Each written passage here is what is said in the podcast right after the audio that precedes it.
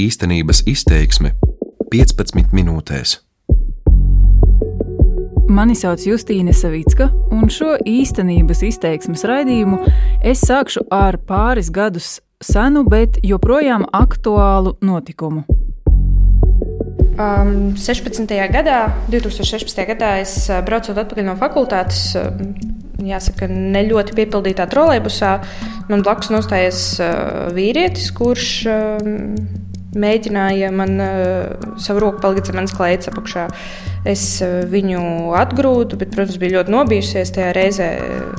Rūta policijai par vīrieti trolēļbusā neziņoja uzreiz. Dzirdēju uh, radio informāciju no policijas, ka viņi lūdz atsaukties lieciniekus, jo turpat, kur tas man notika, 15. trolēļbusā bija parādījies varmāks, kurš uzmācās vairākām meitenēm tā skaitā nepilngadīgā, un tad viņi prasīja vēl informāciju. Tad es jūtos uh, vainīgi par to, ka es nebiju uh, ātrāk aizgājusi, tad es piezvanīju tai policijai un aizgāju pastāstīt par to savu gadījumu. Policijā teikuši, ka tas visdrīzāk nesot tas pats cilvēks, ko viņi meklē. Rūtas iesniegumu, protams, pieņēma, bet. Uzreiz viņa arī piebilda, ka nu, visticamāk, tā kā es esmu, neesmu nepilngadīga, neko viņa nevarēs ierosināt. Maksimāli tas, ko viņa varētu ierosināt, ir sīkais huligānisms. Pēc nedēļas Rūta saņēma policijas atbildi, ka viņi neko neierosina. Izskatot jūsu iesniegumu, tika pieņemts lēmums par atteikšanos uzsākt kriminālu procesu. Tālāk atbildē nosaukts krimināla procesa likuma pants, kas neļauj sākt kriminālu procesu, jo nodarījumā nav noziedzīga nodarījuma sastāva. Tur arī nebija nekādas atbildes par administratīvo, kas būtu tas, jo nebija noskaidrota personība e, šim cilvēkam. Tā arī šis viss beidzās. Vai būtu bijis citādi, ja Rūta uz policiju būtu devusies uzreiz? Nezinu. Bet skaidrs, ka Latvijā, atšķirībā no kaimiņu valstīm, Igaunijas un Lietuvas, neparedz atbildību par šāda veida seksuālu aizskaršanu publiskās vietās. Lai gan valsts policijā un tieslietu ministrijā uzskata, ka ar likumu viss ir kārtībā, šajā raidījumā parādīšu, kādēļ cilvēki, kuri apgrābsta vai kā citādi seksuāli aizskar citus, principā var neuztraukties par savas vardarbības sakām. Līdzīgi gadījumus piedzīvoju arī vēlāk no rīta. Tas bija pulkstenis, man liekas, astoņiem. Vīrietis arī mēģināja man apgrābstīt uh, pļavniekos, tajos pagalmos un uh, pie kāpņu telpām. Un toreiz es jau sapratu, ka pēc tā gadījuma nav vairs vērts nu, rakstīt policijai, jo tas ir uh, iztērēts laiks. Tu pats jūties ļoti nekomfortabli vēlreiz to visu stāstot, un rezultātu nekādu. Kamēr man nenodara miesas bojājums, tas neskaitās.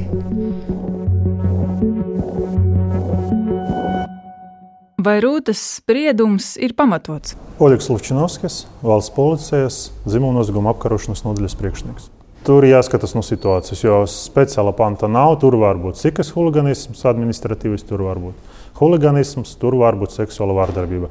Pie noteiktiem nosacījumiem arī vajāšana. Ja tiešām tas būs kaut kāda vieta, kur ļoti daudz cilvēku, viss saspiests, nu, grūti būs pierādīt, ka viņš tiešām apgrabstīja kādu citu cilvēku. Principā ar trolēļbusiem nav nemaz tik traki, jo šobrīd vismaz Rīgā ir uh, visas tās novērošanas kameras sabiedriskajā transportā. Tas ir Rīgas pašvaldības policijas pārstāvis Egīls Vidriks. Administratīvās pārvaldes profilakses koordinācijas un statistikas nodaļas priekšnieks. Var mēģināt arī rakstīt, protams, atcerēties noteikti, kas tas bija laiks, maršruts, un uz trolēļbusu ir tie kārtas arī attiecīgi numuri. Ja? Jo tad, sazinoties ar Rīgas satiksmi, iespējams ir izgūt kaut kādu video ierakstu, kur sieviete var atpazīt, kurš tas starp tiem, kas kāpj ārā, bija tas, kas viņu šādā veidā tur ir gramstījis un kaut ko tur atļāvis tam līdzīgi darīt. Vidriks skaidro, sabiedriskā transporta videokameru attēls gan pagaidām nesot tik kvalitatīvs, lai varētu atpazīt cilvēka seju un viņu identificēt pēc šī kadra, bet varot mēģināt atpazīt pēc apģērba. Šāds uzmākšanās gadījums, starp citu, arī ir rūtas pieredzē. Pamanīja, ka kāds vīrietis mēģina apgrābstīt citu pasažieri.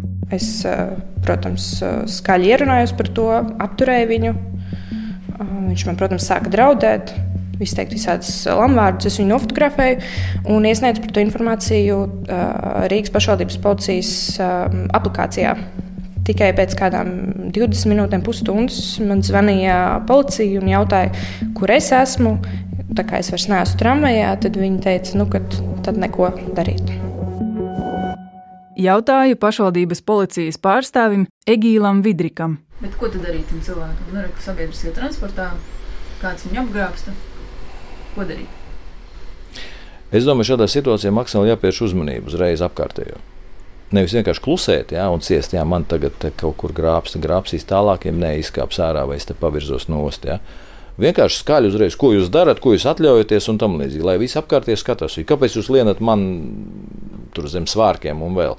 Tad, kad viss cilvēkam sāk skatīties virsū, nu, ticamā viņš aizbēgs. Psiholoģiski tas ir šausmīgi smagi. Ja? Un, ja tur vēl izrādīsies pāris zēni, tādi nu, nu, pareiziem, normāliem, ja? viņi paši viņu izvilks ārā, viņi izsviedīs. Es nezinu, nu, Nu, es tagad vienkārši kā, kā, kā, kā, kā cilvēks, kas brauc transporta līdzeklī, jā, ja es pēkšņi redzētu, jā, kas, kas tur notiek, jā, uzreiz pievērst uzmanību. Jo noķert, nu, teorētiski būs jaunais likums, kā šādās gadījumos pieturēt šo cilvēku līdz atbrauc policija un nodot viņu viņam. Viņi varēs, un par to nebūs atbildības. Nu, labi, nu, atbrauc no policijas. Kas ir viņa noticis pēc tam? Nu kā, nu tālāk ir līdznieka liecība ņem cietušās personas iesniegumu, ko viņš ir darījis un kāpēc ņem no viņa paskaidrojumu. Tālāk izmeklēšana būs par to pašu mm, huligānismu. Gan huligānisms krimināla likumā, gan sīkais huligānisms administratīvo pārkāpumu kodeksā ir ļoti plaša norma. Lasot tiesu nolēmumus, redzu, ka sauc pie atbildības par atkailināšanos sabiedriskās vietās, alkohola lietošanu, kautiņiem, lamāšanos, demolēšanu, šaudīšanos ar gaisa pistoli.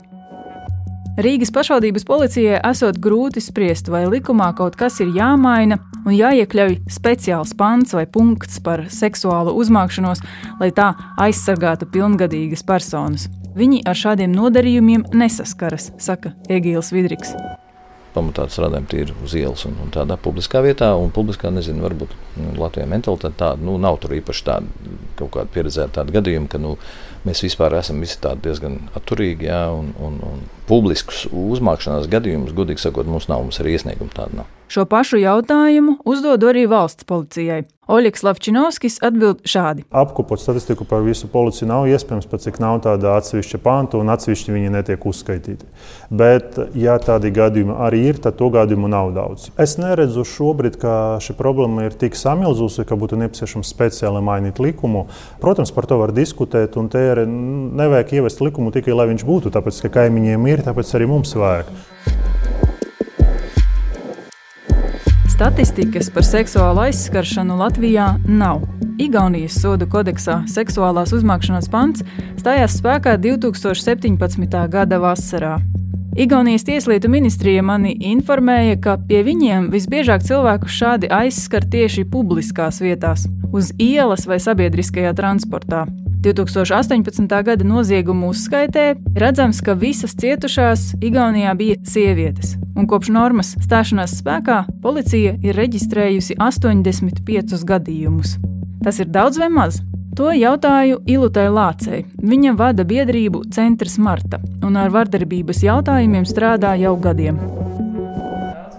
Tas ir nozīmīgs skaits priekš mazas valsts, jo mēs redzam, ka jau ar tādiem ļoti nopietniem vardarbības gadījumiem nav tā, ka sievietes vērstos un ticētu. Un Kad tiesību sargājošās institūcijas varētu viņām palīdzēt divu, trīs gadu laikā, tomēr tas ir tāds labs rādītājs. Tas nozīmē, ka ir nu, uzticēšanās. Ir. Un tas jau ar to sākās. Ja mēs radām labvēlīgu šo likumisko vidi un, un iedrošinām un pasakām cilvēkiem, jā, mēs kā valsts neatzīstam šāda veida darbības, mēs nostājamies jūsu pusē, tas nav pieņemami, tad arī veidojās tā uzticamība un tā ticība, kad var kaut ko mainīt, drosmi vērsties pēc palīdzības. Latvijas Tieslietu ministrijā tikmēr uzskata, ka ar likumiem viss ir kārtībā. Krimināla tiesību departamenta direktore Indra Gratkovska norāda, ka vaina ir policijas pusē. Jautājums vairāk par to, vai cilvēki ir pietiekami zinoši, ka par šādiem gadījumiem ir jāziņo, un vai viņi to dara. Un tad ir jautājums, ja viņi to dara, kāda ir policijas rīcība un reakcija. Jo, ja policija saka, par šādu gadījumu atbildību nav un mēs neko nevaram darīt, tad, protams, ka kaut kādā mirklī iestājas tā situācija, ka cilvēki pārstāj par to ziņot. Nu, tā ir normāla reakcija. Nu, mums šķiet, šobrīd nav pamata domāt, ka viņš varētu būt nepietiekams, jo ir gan krimināla likumā attiecīgais pants par huligānismu, gan arī administratīvo pārkāpumu kodeksā ir šāds pants tādi fakti, kad uh, konkrētie šādi gadījumi netiek aptverti ar šo pantu, nu nav līdz šim nonākuši, un nav pamats domāt, ka uh, šis pants ir uh, interpretējams tik šauri. Vai tā tiešām ir? Sāksim ar kriminālu likumu. Dodos pie krimināla tiesību ekspertes Valentijas Liholajas. Es esmu Latvijas Universitātes juridiskās fakultātes krimināltiesisko zinātņu katedras profesore Valentija Liholaja. Profesori sāk ar krimināla likuma 160. pantu - seksuāla vardarbība. Nolūk apmierināt savu dzimumu tieksmi, fiziskā saskarē ar cietušā ķermeni. Tas viss ir kā būtu ja, atbilstošai situācijai. Taču atbildība ir paredzēta pie zināmiem nosacījumiem. Tas notiek vai nu izmantojot personas bezpalīdzības stāvokli, vai arī pret personas gribu, ka tur ir vai nu vardarbība, vai vardarbības piedraudējums, vai persona vainīgā izmanto autoritāti, uh, uzticību vai citādi ietekmi. Ja? Tā tad, nu, ja mēs pieņemam, ka tie ir galīgi sveši cilvēki, ja, tad nekāda vardarbība šeit eh, un draudi arī kā tāda nav, vismaz neizskanēja. Tas nozīmē, ka šeit pēc nosacījumiem neatbilst. Runāt par huligānismu nevis sīko, bet krimināla sodāmo. Ja? Nu, tur ir arī 231. pantā. Acīm redzam, necieņa pret sabiedrību vai bezskaunību, ar to tiek traucēts cilvēku miers, uzņēmumu iestāžu darbs. Ja? Tā tad arī krimināla sodāms huligānisms arī prasa citas nosacījumus. Tātad krimināla likumā par tādiem seksuāliem aizskārumiem, kurus piedzīvojusi Rūta, atbildība nav paredzēta. Lai redzētu, ko par to domā tiesa, apskatu arī anonimizēto tiesu nolēmumu datubāzi. 2019. gadā, meklējot pēc huligānisma panta, atrodu vienu potenciāli līdzīgu gadījumu Rēzeknes tiesā. Ierēbis cilvēks ieradās veikalā un citēju: uzmācās pārdevējām, mēģinot satvert viņas ar rokām un pieprasot buču. Citāta beigas. Pieņemu, ka krimināli sodāma huligānisma sadaļā šis cilvēks nonāca, jo turpinājumā ķērās pie preču plauktiem un meta preces uz grīdas, citēju, izņēma no saldētavas trīs saldējumu mājas plombīras paciņas, saspaidīja tās un nometa uz grīdas, saplēsa vienu iepakojumu cepumu Belvita un vienu košļājamās gumijas orbita paciņu. Citāta beigas. Kad viena no pārdevējām centās to pārtraukt, cilvēks saķēra viņu aiz rokām. Bet iesim tālāk. Kā ir ar administratīvo pārkāpumu kodeksu? Vai tas sīkā huligānisma pantā paredz atbildību arī par seksuālu uzmākšanos? To jautāju Jurim Stukānam. Rīgas apgabala tiesa krimināla lietu tiesas kolēģijas tiesnesis.